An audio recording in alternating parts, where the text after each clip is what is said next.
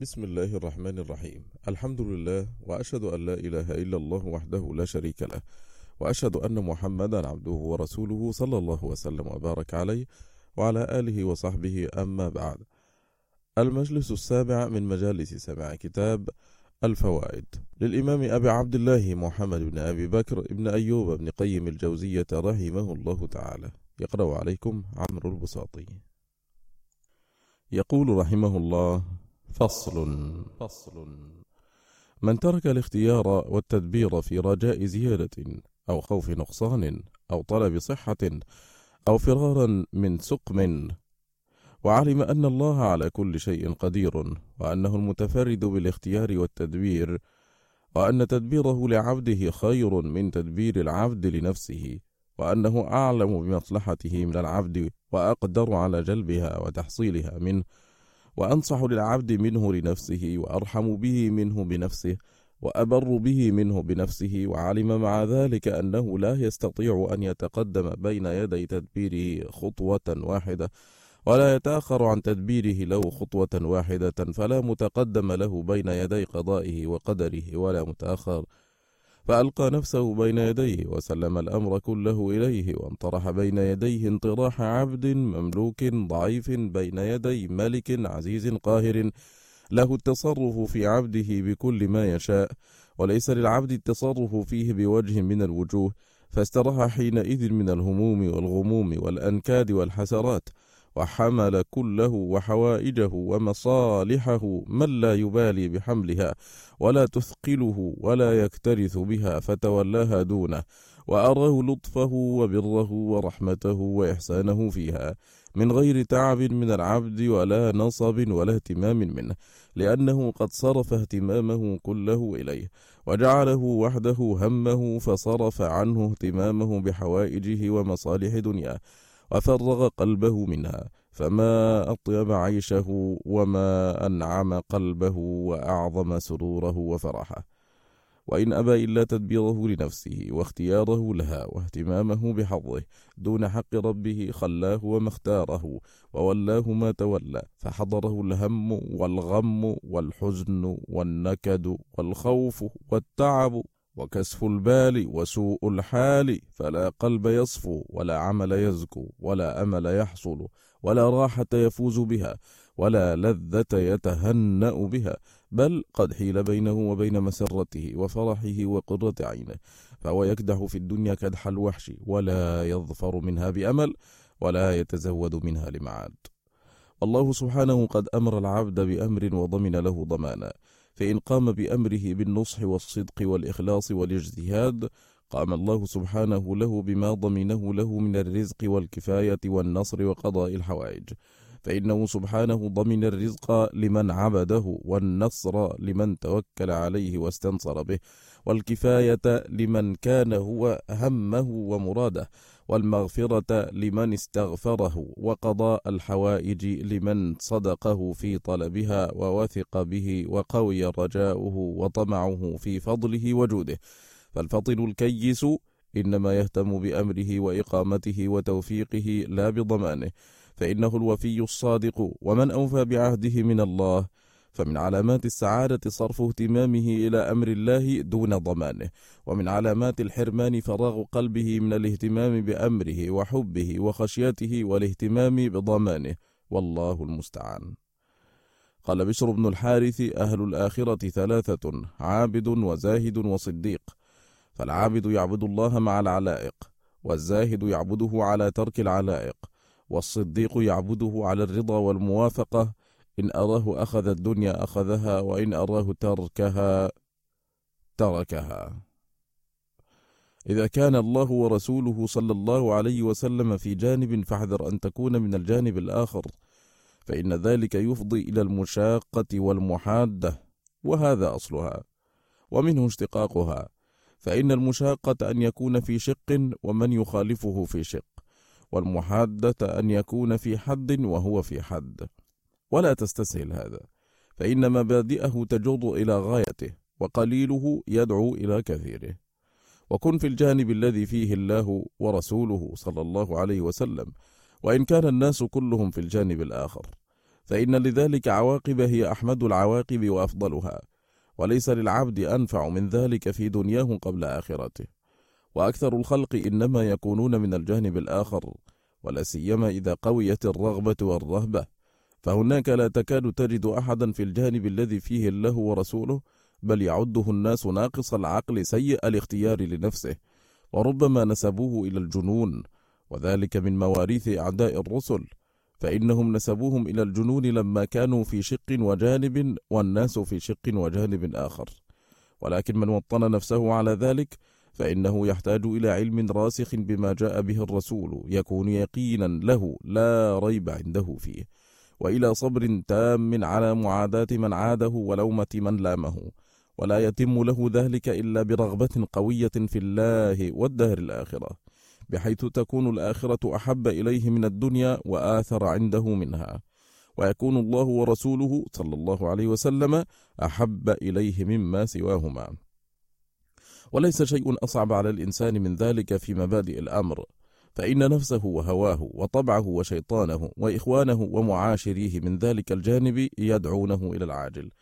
فإذا خالفهم تصدوا لحربه. فإن صبر وثبت جاءه العون من الله وصار ذلك الصعب سهلا وذلك الألم لذة فإن الرب شكور فلا بد أن يذيقه لذة تحيزه إلى الله وإلى رسوله ويريه كرامة ذلك فيشتد به سروره وغبطته ويبتهج به قلبه ويظفر بقوته وفرحه وسروره ويبقى من كان محاربا له على ذلك بين هائب له ومسالم له ومساعد وتارك ويقوى جنده ويضعف جند العدو. ولا تستصعب مخالفة الناس والتحيز إلى الله ورسوله ولو كنت وحدك فإن الله معك. وأنت بعينه وكلاءته وحفظه لك وإنما امتحن يقينك وصبرك. وأعظم الأعوان لك على هذا بعد عون الله التجرد من الطمع والفزع. فمتى تجردت منهما هان عليك التحيز إلى الله ورسوله وكنت دائما في الجانب الذي فيه الله ورسوله. ومتى قام بك الطمع والفزع فلا تطمع في هذا الأمر ولا تحدث نفسك به. فإن قلت فبأي شيء أستعين على التجرد من الطمع ومن الفزع؟ قلت بالتوحيد والتوكل والثقة بالله. وعلمك بأنه لا يأتي بالحسنات إلا هو ولا يذهب بالسيئات إلا هو وأن الأمر كله لله ليس لأحد مع الله شيء. نصيحة. نصيحة هلم إلى الدخول على الله ومجاورته في دار السلام بلا نصب ولا تعب ولا عناء بل من أقرب الطرق وأسهلها. وذلك أنه في وقت بين وقتين وهو في الحقيقة عمرك وهو وقتك الحاضر بين ما مضى وما يستقبل. فالذي مضى تصلحه بالتوبة والندم والاستغفار. وذلك شيء لا تعب عليك فيه ولا نصب ولا معاناة عمل شاق إنما هو عمل قلب. وتمتنع فيما يستقبل من الذنوب وامتناعك ترك وراحة. ليس هو عملا بالجوارح يشق عليك معاناته وإنما هو عزم ونية جازمة تريح بدنك وقلبك وسرك. فما مضى تصلحه بالتوبة وما يستقبل تصلحه بالامتناع والعزم والنية. وليس للجوارح في هذين نصب ولا تعب ولكن الشأن في عمرك وهو وقتك الذي بين الوقتين. فإن أضعته أضعت سعادتك ونجاتك. وإن حفظته مع إصلاح الوقتين اللذين قبله وبعده بما ذكر نجوت وفزت بالراحة واللذة والنعيم. وحفظه أشق من إصلاح ما قبله وما بعده. فإن حفظه أن تلزم نفسك بما هو أولى بها وأنفع لها وأعظم تحصيلا لسعادتها. وفي هذا تفاوت الناس أعظم تفاوت. فهي والله أيامك الحالية التي تجمع فيها الزاد لمعادك إما إلى الجنة وإما إلى النار. فإن اتخذت منها سبيلا إلى ربك بلغت السعادة العظمى والفوز الأكبر في هذه المدة اليسيرة التي لا نسبة لها إلى الأبد. وإن آثرت الشهوات والراحات واللهو واللعب انقضت عنك بسرعة وأعقبتك الألم العظيم الدائم الذي مقاساته ومعاناته أشق وأصعب وأدوم من معاناة الصبر عن محارم الله والصبر على طاعته ومخالفة الهوى لأجله. فصل. فصل. علامة صحة الإرادة أن يكون هم المريد رضا ربه واستعداده للقائه وحزنه على وقت مر به في غير مرضاته، وأسفه على قربه والأنس به، وجماع ذلك أن يصبح ويمسي وليس له هم غيره. فصل. فصل. إذا استغنى الناس بالدنيا فاستغن أنت بالله. وإذا فرحوا بالدنيا فافرح أنت بالله. وإذا أنسوا بأحبابهم فاجعل أنسك بالله. وإذا تعرفوا إلى ملوكهم وكبرائهم وتقربوا إليهم لينالوا بهم العز والرفعة فتعرف أنت إلى الله وتودد إليه تنال بذلك غاية العز والرفعة. قال بعض الزهاد ما علمت أن أحدا سمع بالجنة والنار تأتي عليه ساعة لا يطيع الله فيها بذكر أو صلاة أو قراءة أو إحسان. فقال له رجل إني أكثر البكاء. فقال إنك إن تضحك وأنت مقر بخطيئتك خير من أن تبكي وأنت مدل بعملك. إن المدل لا يصعد عمله فوق رأسه. فقال أوصني. فقال دع الدنيا لأهلها كما تركوا هم الآخرة لأهلها. وكن في الدنيا كالنحلة إن أكلت أكلت طيبا وإن أطعمت أطعمت طيبا وإن سقطت على شيء لم تكسره ولم تخدشه. فصل. فصل.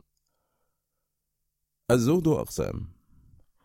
زهد في الحرام وهو فرض عين وزهد في الشبهات وهو بحسب مراتب الشبهة فإن قويت التحقت بالواجب وإن ضعفت كان مستحبا. وزهد في الفضول وزهد فيما لا يعني من الكلام والنظر والسؤال واللقاء وغيره. وزهد في الناس وزهد في النفس بحيث تهون عليه نفسه في الله. وزهد جامع لذلك كله وهو الزهد فيما سوى الله وفي كل ما شغلك عنه. وأفضل الزهد إخفاء الزهد. وأصعبه الزهد في الحظوظ. والفرق بينه وبين الورع أن الزهد ترك ما لا ينفع في الآخرة والورع ترك ما يخشى ضرره في الآخرة. والقلب المعلق بالشهوات لا يصح له زهد ولا ورع. قال يحيى بن معاذ عجبت من ثلاث. رجل يرائي بعمله مخلوقا مثله ويترك أن يعمله لله ورجل يبخل بماله وربه يستقرضه منه فلا يقرضه منه شيئا ورجل يرغب في صحبة المخلوقين ومودتهم والله يدعوه إلى صحبته ومودته. فائدة جليلة. جليلة قال سهل بن عبد الله ترك الأمر عند الله أعظم من ارتكاب النهي. لأن آدم نهي عن أكل الشجرة فأكل منها فتاب عليه. وإبليس أمر أن يسجد لآدم فلم يسجد فلم يتب عليه. قلت هذه مسألة عظيمة لها شأن وهي أن ترك الأوامر أعظم عند الله من ارتكاب المناهي. وذلك من وجوه عديدة.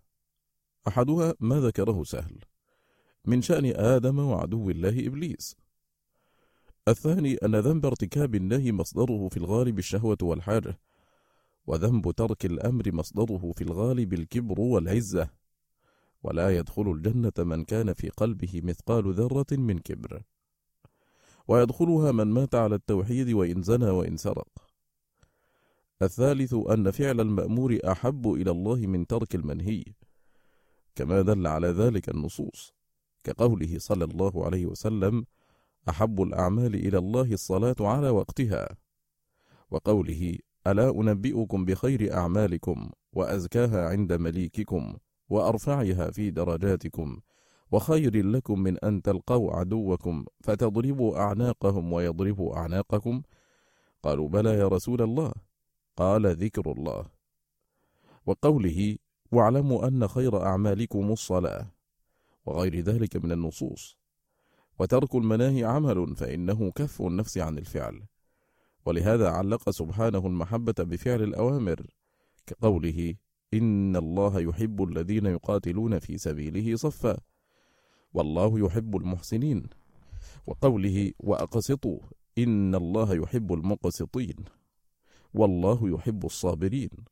وأما في جانب المناهي فأكثر ما جاء النفي للمحبة كقوله والله لا يحب الفساد وقوله والله لا يحب كل مختال فخور وقوله ولا تعتدوا إن الله لا يحب المعتدين وقوله لا يحب الله الجهر بالسوء من القول إلا من ظلم وقوله إن الله لا يحب من كان مختالا فخورا ونظائره. وأخبر في موضع آخر أنه يكرهها ويسخطها كقوله كل ذلك كان سيئه عند ربك مكروها وقوله ذلك بأنهم اتبعوا ما أسخط الله.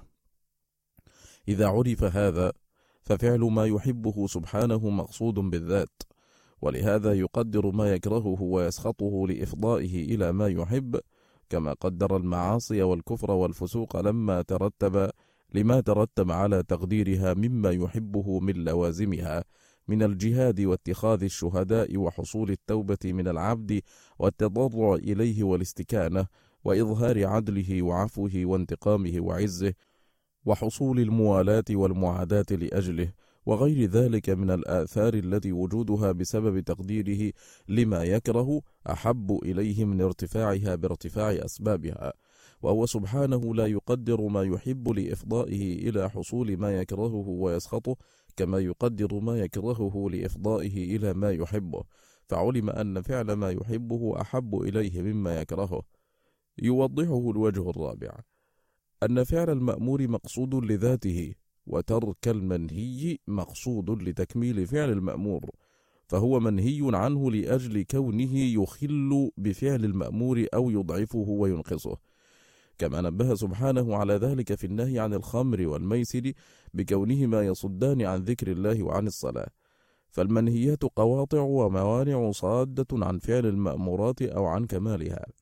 فالنهي عنها من باب المقصود لغيره والأمر بالواجبات من باب المقصود لنفسه. ويوضحه الوجه الخامس. أن فعل المأمورات من باب حفظ قوة الإيمان وبقائها وترك المنهيات من باب الحمية عما يشوش قوة الإيمان ويخرجها عن الاعتدال. وحفظ القوة مقدم على الحمية فإن القوة كلما قويت دفعت المواد الفاسدة وإذا ضعفت غلبت المواد الفاسدة فالحمية مرادة لغيرها وهو حفظ القوة وزيادتها وبقاؤها. ولهذا كلما قويت قوة الإيمان دفعت المواد الرديئة ومنعت من غلبتها وكثرتها بحسب القوة وضعفها. وإذا ضعفت غلبت المواد الفاسدة فتأمل هذا الوجه. الوجه السادس أن فعل المأمورات حياة القلب وغذاؤه وزينته وسروره وقرة عينه ولذته ونعيمه. وترك المنهيات بدون ذلك لا يحصل له شيئا من ذلك. فإنه لو ترك جميع المنهيات ولم يأت بالإيمان والأعمال المأمور بها لم ينفعه ذلك الترك شيئا وكان خالدا مخلدا في النار. وهذا يتبين بالوجه السابع. أن من فعل المأمورات والمنهيات فهو إما ناج إن غلبت حسناته سيئاته وإما ناج بعد أن يؤخذ منه الحق ويعاقب على سيئاته فمآله إلى النجاة وذلك بفعل المأمور. ومن ترك المأمورات والمنهيات فهو هالك غير ناج ولا ينجو إلا بفعل المأمور وهو التوحيد. فإن قيل فهو إنما هلك بارتكاب المحظور وهو الشرك قيل يكفي في الهلاك ترك نفس التوحيد المأمور به وإن لم يأت بضد وجودي من الشرك. بل متى خلا قلبه من التوحيد رأسا فلم يوحد الله فهو هالك وإن لم يعبد معه غيره. فإذا انضاف إليه عبادة غيره عذب على ترك التوحيد المأمور به وفعل الشرك المنهي عنه. يوضحه الوجه الثامن. أن المدعو إلى الإيمان إذا قال لا أصدق ولا أكذب ولا أحب ولا أبغض ولا أعبده ولا أعبد غيره كان كافرا بمجرد الترك والإعراض بخلاف ما إذا قال أنا أصدق الرسول وأحبه وأؤمن به وأفعل ما أمرني ولكن شهوتي وإرادتي وطبعي حاكمة علي لا تدعني أترك ما نهاني عنه. وأنا أعلم أنه قد نهاني وكره لي فعل المنهي ولكن لا صبر لي عنه فهذا لا يعد كافرا بذلك ولا حكمه حكم الأول. فإن هذا مطيع من وجه وتارك المأمور جملة لا يعد مطيعا بوجه. يوضحه الوجه التاسع. أن الطاعة والمعصية إنما تتعلق بالأمر أصلا وبالنهي تبعا فالمطيع ممتثل المأمور والعاصي تارك المأمور. قال تعالى لا يعصون الله ما أمرهم وقال موسى لأخيه ما منعك إذ رأيتهم ضلوا ألا تتبعني أفعصيت أمري وقال عمرو بن العاص عند موته أنا الذي أمرتني فعصيت ولكن لا إله إلا أنت. وقال الشاعر أمرتك أمرا حازما فعصيتني. والمقصود من إرسال الرسل طاعة المرسل ولا تحصل إلا بامتثال أوامره. واجتناب المناهي من تمام امتثال الأوامر ولوازمه. ولهذا لو اجتنب المناهي ولم يفعل ما أمر به لم يكن مطيعا وكان عاصيا. بخلاف ما لو أتى بالمأمورات وارتكب المناهي. فإنه وإن عد عاصيا مذنبا فإنه مطيع بامتثال الأمر عاص بارتكاب النهي. بخلاف تارك الأمر فإنه لا يعد مطيعا باجتناب المنهيات خاصة. الوجه العاشر. أن امتثال الأمر عبودية وتقرب وخدمة. وتلك العبادة التي خلق لأجلها الخلق. كما قال تعالى وما خلقت الجن والإنس إلا ليعبدون. فأخبر سبحانه أنه إنما خلقهم للعبادة وكذلك إنما أرسل إليهم رسله وأنزل عليهم كتبه ليعبدوه. فالعبادة هي الغاية التي خلقوا لها ولم يخلقوا لمجرد الترك فإنه أمر عدمي لا كمال فيه من حيث هو عدم. بخلاف امتثال المأمور فإنه أمر وجودي مطلوب الحصول. وهذا يتبين بالوجه الحادي عشر وهو أن المطلوب بالنهي عدم الفعل وهو أمر عدمي والمطلوب بالأمر إيجاد فعل وهو أمر وجودي فمتعلق الأمر الإيجاد ومتعلق النهي الإعدام أو العدم وهو أمر لا كمال فيه إلا إذا تضمن أمرا وجوديا. فإن العدم من حيث هو عدم لا كمال فيه ولا مصلحة إلا إذا تضمن أمرا وجوديا مطلقا وذلك الأمر الوجودي مطلوب مأمور به فعادت حقيقة النهي إلى الأمر وأن المطلوب به ما في ضمن النهي من الأمر الوجودي المطلوب به. وهذا يتضح بالوجه الثاني عشر وهو أن الناس اختلفوا في المطلوب بالنهي على أقوال أحدها أن المطلوب به كف النفس عن الفعل وحبسها عنه وهو أمر وجودي. قالوا لأن التكليف إنما يتعلق بالمقدور والعدم المحض غير مقدور وهذا قول الجمهور. وقال أبو هاشم وغيره بل المطلوب عدم الفعل ولهذا يحصل المقصود من بقائه على العدم وإن لم يخطر بباله الفعل فضلا عن أن يقصد الكف عنه. ولو كان المطلوب الكف لكان عاصيا إذا لم يأت به ولأن الناس يمدحون بعدم فعل القبيح من لم يخطر بباله فعله والكف عنه. وهذا أحد قولي القاضي أبي بكر. ولأجله التزم أن عدم الفعل مقدور للعبد وداخل تحت الكسب. قال والمقصود بالنهي الإبقاء على العدم الأصلي وهو مقدور. وقالت طائفة المطلوب بالنهي فعل الضد. فإنه هو المقدور وهو المقصود للناهي فإنه إنما نهاه عن الفاحشة طلبا للعفة وهي المأمور بها ونهاه عن الظلم طلبا للعدل المأمور به وعن الكذب طلبا للصدق المأمور به وهكذا جميع المنهيات. فعند هؤلاء أن حقيقة النهي الطلب لضد المنهي عنه فعاد الأمر إلى أن الطلب إنما تعلق بفعل المأمور. والتحقيق أن المطلوب نوعان مطلوب لنفسه وهو المأمور به ومطلوب إعدامه لمضادته المأمور به وهو المنهي عنه لما فيه من المفسدة المضادة للمأمور به. فإذا لم يخطر ببال المكلف ولا دعته نفسه إليه بل استمر على العدم الأصلي لم يثب على تركه وإن خطر بباله وكف نفسه عنه لله وتركه اختيارا أثيب على كف نفسه وامتناعه فإنه فعل وجودي. والثواب إنما يقع على الأمر الوجودي دون العدم المحض وإن تركه مع عزمه الجازم على فعله لكن تركه عجزا فهذا وإن لم يعاقب عقوبة الفاعل لكن يعاقب على عزمه وإرادته الجازمة التي إنما تخلف مرادها عجزا. وقد دلت على ذلك النصوص الكثيرة فلا يلتفت إلى ما خالفها كقوله تعالى وإن تبدوا ما في أنفسكم أو تخفوه يحاسبكم به الله فيغفر لمن يشاء وقوله في كاتم الشهادة فإنه آثم قلبه وقوله ولكن يؤاخذكم بما كسبت قلوبكم وقوله يوم تبلى السرائر وقول النبي صلى الله عليه وسلم إذا تواجه المسلمان بسيفيهما فالقاتل والمقتول في النار. قالوا هذا القاتل فما بال المقتول؟ قال إنه أراد قتل صاحبه. وقوله في الحديث الآخر ورجل قال لو أن لي مالا لعملت بعمل فلان فهو بنيته وهما في الوزر سواء. وقول من قال إن المطلوب بالنهي فعل الضد ليس كذلك فإن المقصود عدم الفعل والتلبس بالضد فإن ما لا يتم الواجب إلا به فهو غير مقصود بالقصد الأول وإن كان المقصود بالقصد الأول المأمور الذي نهي عما يمنعه ويضعفه فالمنهي عنه مطلوب إعدامه طلب الوسائل والذرائع والمأمور به مطلوب إيجاده طلب المقاصد والغايات.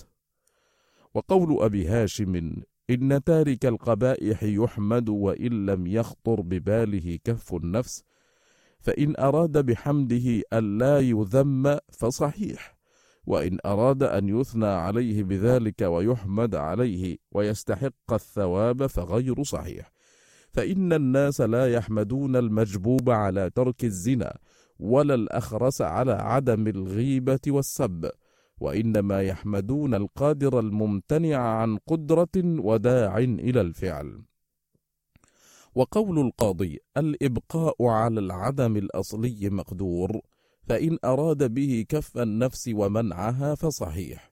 وإن أراد مجرد العدم فليس كذلك.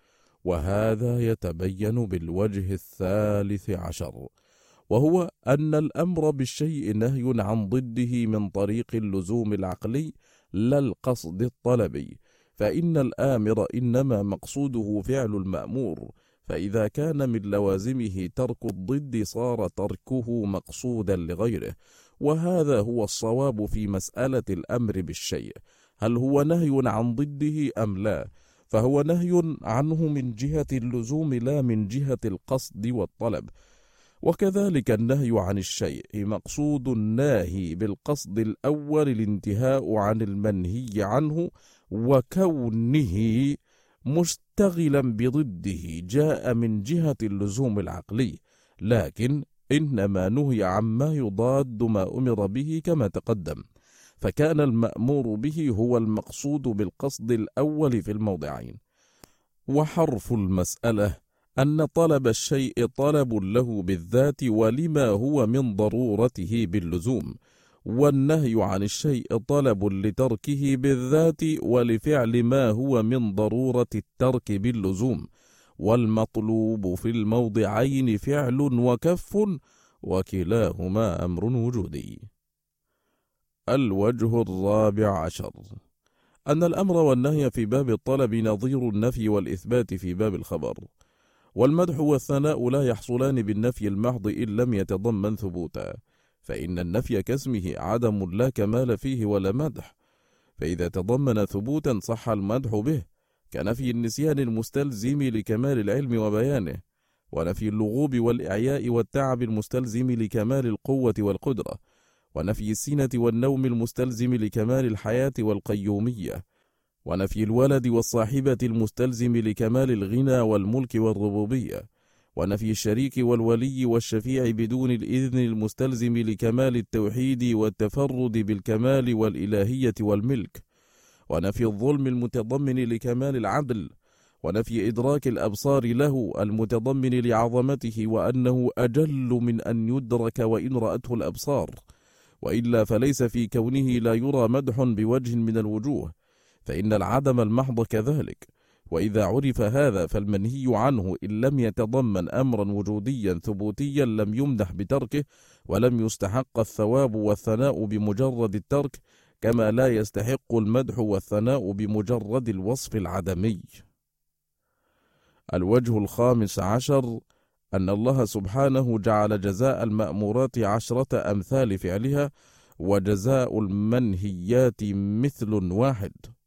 وهذا يدل على أن فعل ما أمر به أحب إليه من ترك ما نهى عنه. ولو كان الأمر بالعكس لكانت السيئة بعشرة والحسنة بواحدة أو تساويا. الوجه السادس عشر.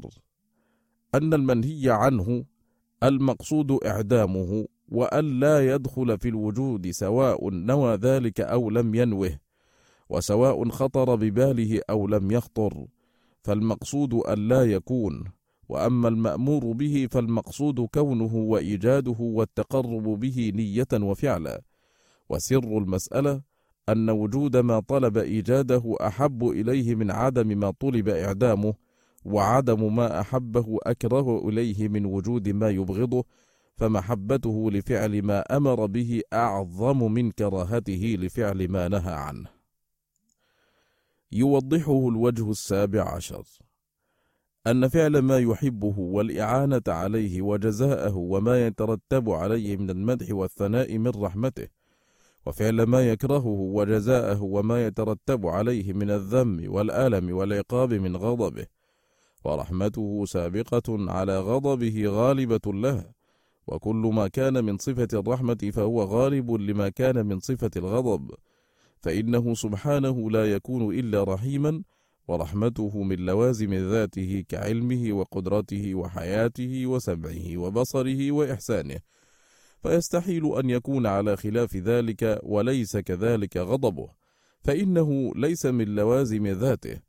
ولا يكون غضبان دائما غضبا لا يتصور انفكاكه بل يقول رسله وأعلم الخلق به يوم القيامة إن ربي قد غضب اليوم غضبا لم يغضب قبله مثله ولن يغضب بعده مثله. ورحمته وسعت كل شيء وغضبه لم يسع كل شيء وهو سبحانه كتب على نفسه الرحمة ولم يكتب على نفسه الغضب. ووسع كل شيء رحمة وعلما ولم يسع كل شيء غضبا وانتقاما. فالرحمة وما كان بها ولوازمها وآثارها غالبة على الغضب وما كان منه وآثاره. فوجود ما كان بالرحمة أحب إليه من وجود ما كان من لوازم الغضب ولهذا كانت الرحمة أحب إليه من العذاب والعفو أحب إليه من الانتقام. فوجود محبوبه أحب إليه من فوات مكروهه ولا سيما إذا كان في فوات مكروهه فوات ما يحبه من لوازمه. فإنه يكره فوات تلك اللوازم المحبوبة كما يكره وجود ذلك الملزوم المكروه. الوجه الثامن عشر. أن آثار ما يكرهه وهو المنهيات أسرع زوالا بما يحبه من زوال آثار ما يحبه بما يكرهه. فآثار كراهته سريعة الزوال وقد يزيلها سبحانه بالعفو والتجاوز وتزول بالتوبة والاستغفار والأعمال الصالحة والمصائب المكفرة والشفاعة والحسنات يذهبن السيئات ولو بلغت ذنوب العبد عنان السماء ثم استغفره غفر له. ولو لقيه بقراب الأرض خطايا ثم لقيه لا يشرك به شيئا لأتاه بقرابها مغفرة وهو سبحانه يغفر الذنوب وإن تعاظمت ولا يبالي. فيبطلها ويبطل آثارها بأدنى سعي من العبد وتوبة نصوح وندم على ما فعل. وما ذاك إلا لوجود ما يحبه من توبة العبد وطاعته وتوحيده. فدل على أن وجود ذلك أحب إليه وأرضى له. يوضحه الوجه التاسع عشر وهو أنه سبحانه قدر ما يبغضه ويكرهه من المنهيات لما يترتب عليها مما يحبه ويفرح به من المأمورات فإنه سبحانه أفرح بتوبة عبده من الواجد الفاقد والعقيم الوالد والظمآن الوارد. وقد ضرب رسول الله صلى الله عليه وسلم لفرحه بتوبة العبد مثلا ليس في المفروح به أبلغ منه. وهذا الفرح إنما كان بفعل المأمور به وهو التوبة. فقدر الذنب لما يترتب عليه من هذا الفرح العظيم الذي وجوده أحب إليه من فواته ووجوده بدون لازمه ممتنع فدل على أن وجود ما يحب أحب إليه من فوات ما يكره. وليس المراد بذلك أن كل فرد من أفراد ما يحب أحب إليه من فوات كل فرد مما يكره حتى تكون ركعة الضحى أحب إليه من فوات قتل المسلم. وإنما المراد أن جنس فعل المأمورات أفضل من جنس ترك المحظورات كما إذا فضل الذكر على الأنثى والإنسي على الملك. فالمراد الجنس لا عموم الأعيان والمقصود أن هذا الفرح الذي لا فرح يشبهه بفعل مأمور التوبة يدل على أن هذا المأمور أحب إليه من فوات المحظور الذي تفوت به التوبة وأثرها ومقتضاها. فإن قيل إنما فرح بالتوبة لأنها ترك للمنهي فكان الفرح بالترك قيل ليس كذلك فإن الترك المحض لا يوجب هذا الفرح بل ولا الثواب ولا المدح وليست التوبة تركا وإن كان الترك من لوازمها. وإنما هي فعل وجودي يتضمن إقبال التائب على ربه وإنابته إليه والتزام طاعته. ومن لوازم ذلك ترك ما نهي عنه. ولهذا قال تعالى وأن استغفروا ربكم ثم توبوا إليه فالتوبة رجوع مما يكره إلى ما يحب وليست مجرد الترك فإن من ترك الذنب تركا مجردا ولم يرجع منه إلى ما يحبه الرب تعالى لم يكن تائبا. فالتوبة رجوع وإقبال وإنابة لا ترك محض. الوجه العشرون. أن المأمور به إذا فات فاتت الحياة المطلوبة للعبد وهي التي قال تعالى فيها يا أيها الذين آمنوا استجيبوا لله وللرسول إذا دعاكم لما يحييكم. وقال أومن كان ميتا فأحييناه وجعلنا له نورا يمشي به في الناس كمن مثله في الظلمات. وقال في حق الكفار أموات غير أحياء. وقال إنك لا تسمع الموتى. وأما المنهي عنه فإذا وجد فغايته أن يوجد المرض وحياة مع السقم خير من موت. فإن قيل ومن المنهي عنه ما يوجب الهلاك وهو الشرك قيل الهلاك إنما حصل بعدم التوحيد المأمور به الذي به الحياة. فلما فقد حصل الهلاك فما هلك إلا من عدم إتيانه بالمأمور به وهذا وجه حاد وعشرون في المسألة وهو أن في المأمورات ما يوجب فواته الهلاك والشقاء الدائم وليس في المنهيات ما يقتضي ذلك. الوجه الثاني والعشرون أن فعل المأمور يقتضي ترك المنهي عنه إذا فعل على وجهه من الإخلاص والمتابعة والنصح لله فيه. قال تعالى إن الصلاة تنهى عن الفحشاء والمنكر ومجرد ترك المنهي لا يقتضي فعل المأمور ولا يستلزمه. الوجه الثالث والعشرون أن ما يحبه من المأمورات فهو متعلق بصفاته وما يكرهه من المنهيات فمتعلق بمفعولاته وهذا وجه دقيق يحتاج إلى بيان. فنقول المنهيات شرور وتفضي إلى الشرور والمأمورات والمأمورات خير وتفضي إلى الخيرات والخير بيديه سبحانه والشر ليس إليه. فإن الشر لا يدخل في صفاته ولا في أفعاله ولا في أسمائه وإنما هو في المفعولات مع أنه شر بالإضافة والنسبة إلى العبد. وإلا من حيث إضافاته ونسبته إلى الخالق سبحانه فليس بشر من هذه الجهة. فغاية ارتكاب المنهي أن يوجب شرا بالإضافة إلى العبد مع أنه في نفسه ليس بشر. وأما فوات المأمور فيفوت به الخير الذي بفواته يحصل ضده من الشر. وكلما كان المأمور أحب إلى الله سبحانه كان الشر الحاصل بفواته أعظم كالتوحيد والإيمان. وسر هذه الوجوه أن المأمور به محبوبه والمنهي مكروهه ووقوع محبوبه أحب إليه من فوات مكروهه وفوات محبوبه أكره إليه من وقوع مكروهه. والله أعلم. فصل. فصل. مبنى الدين على قاعدتين الذكر والشكر.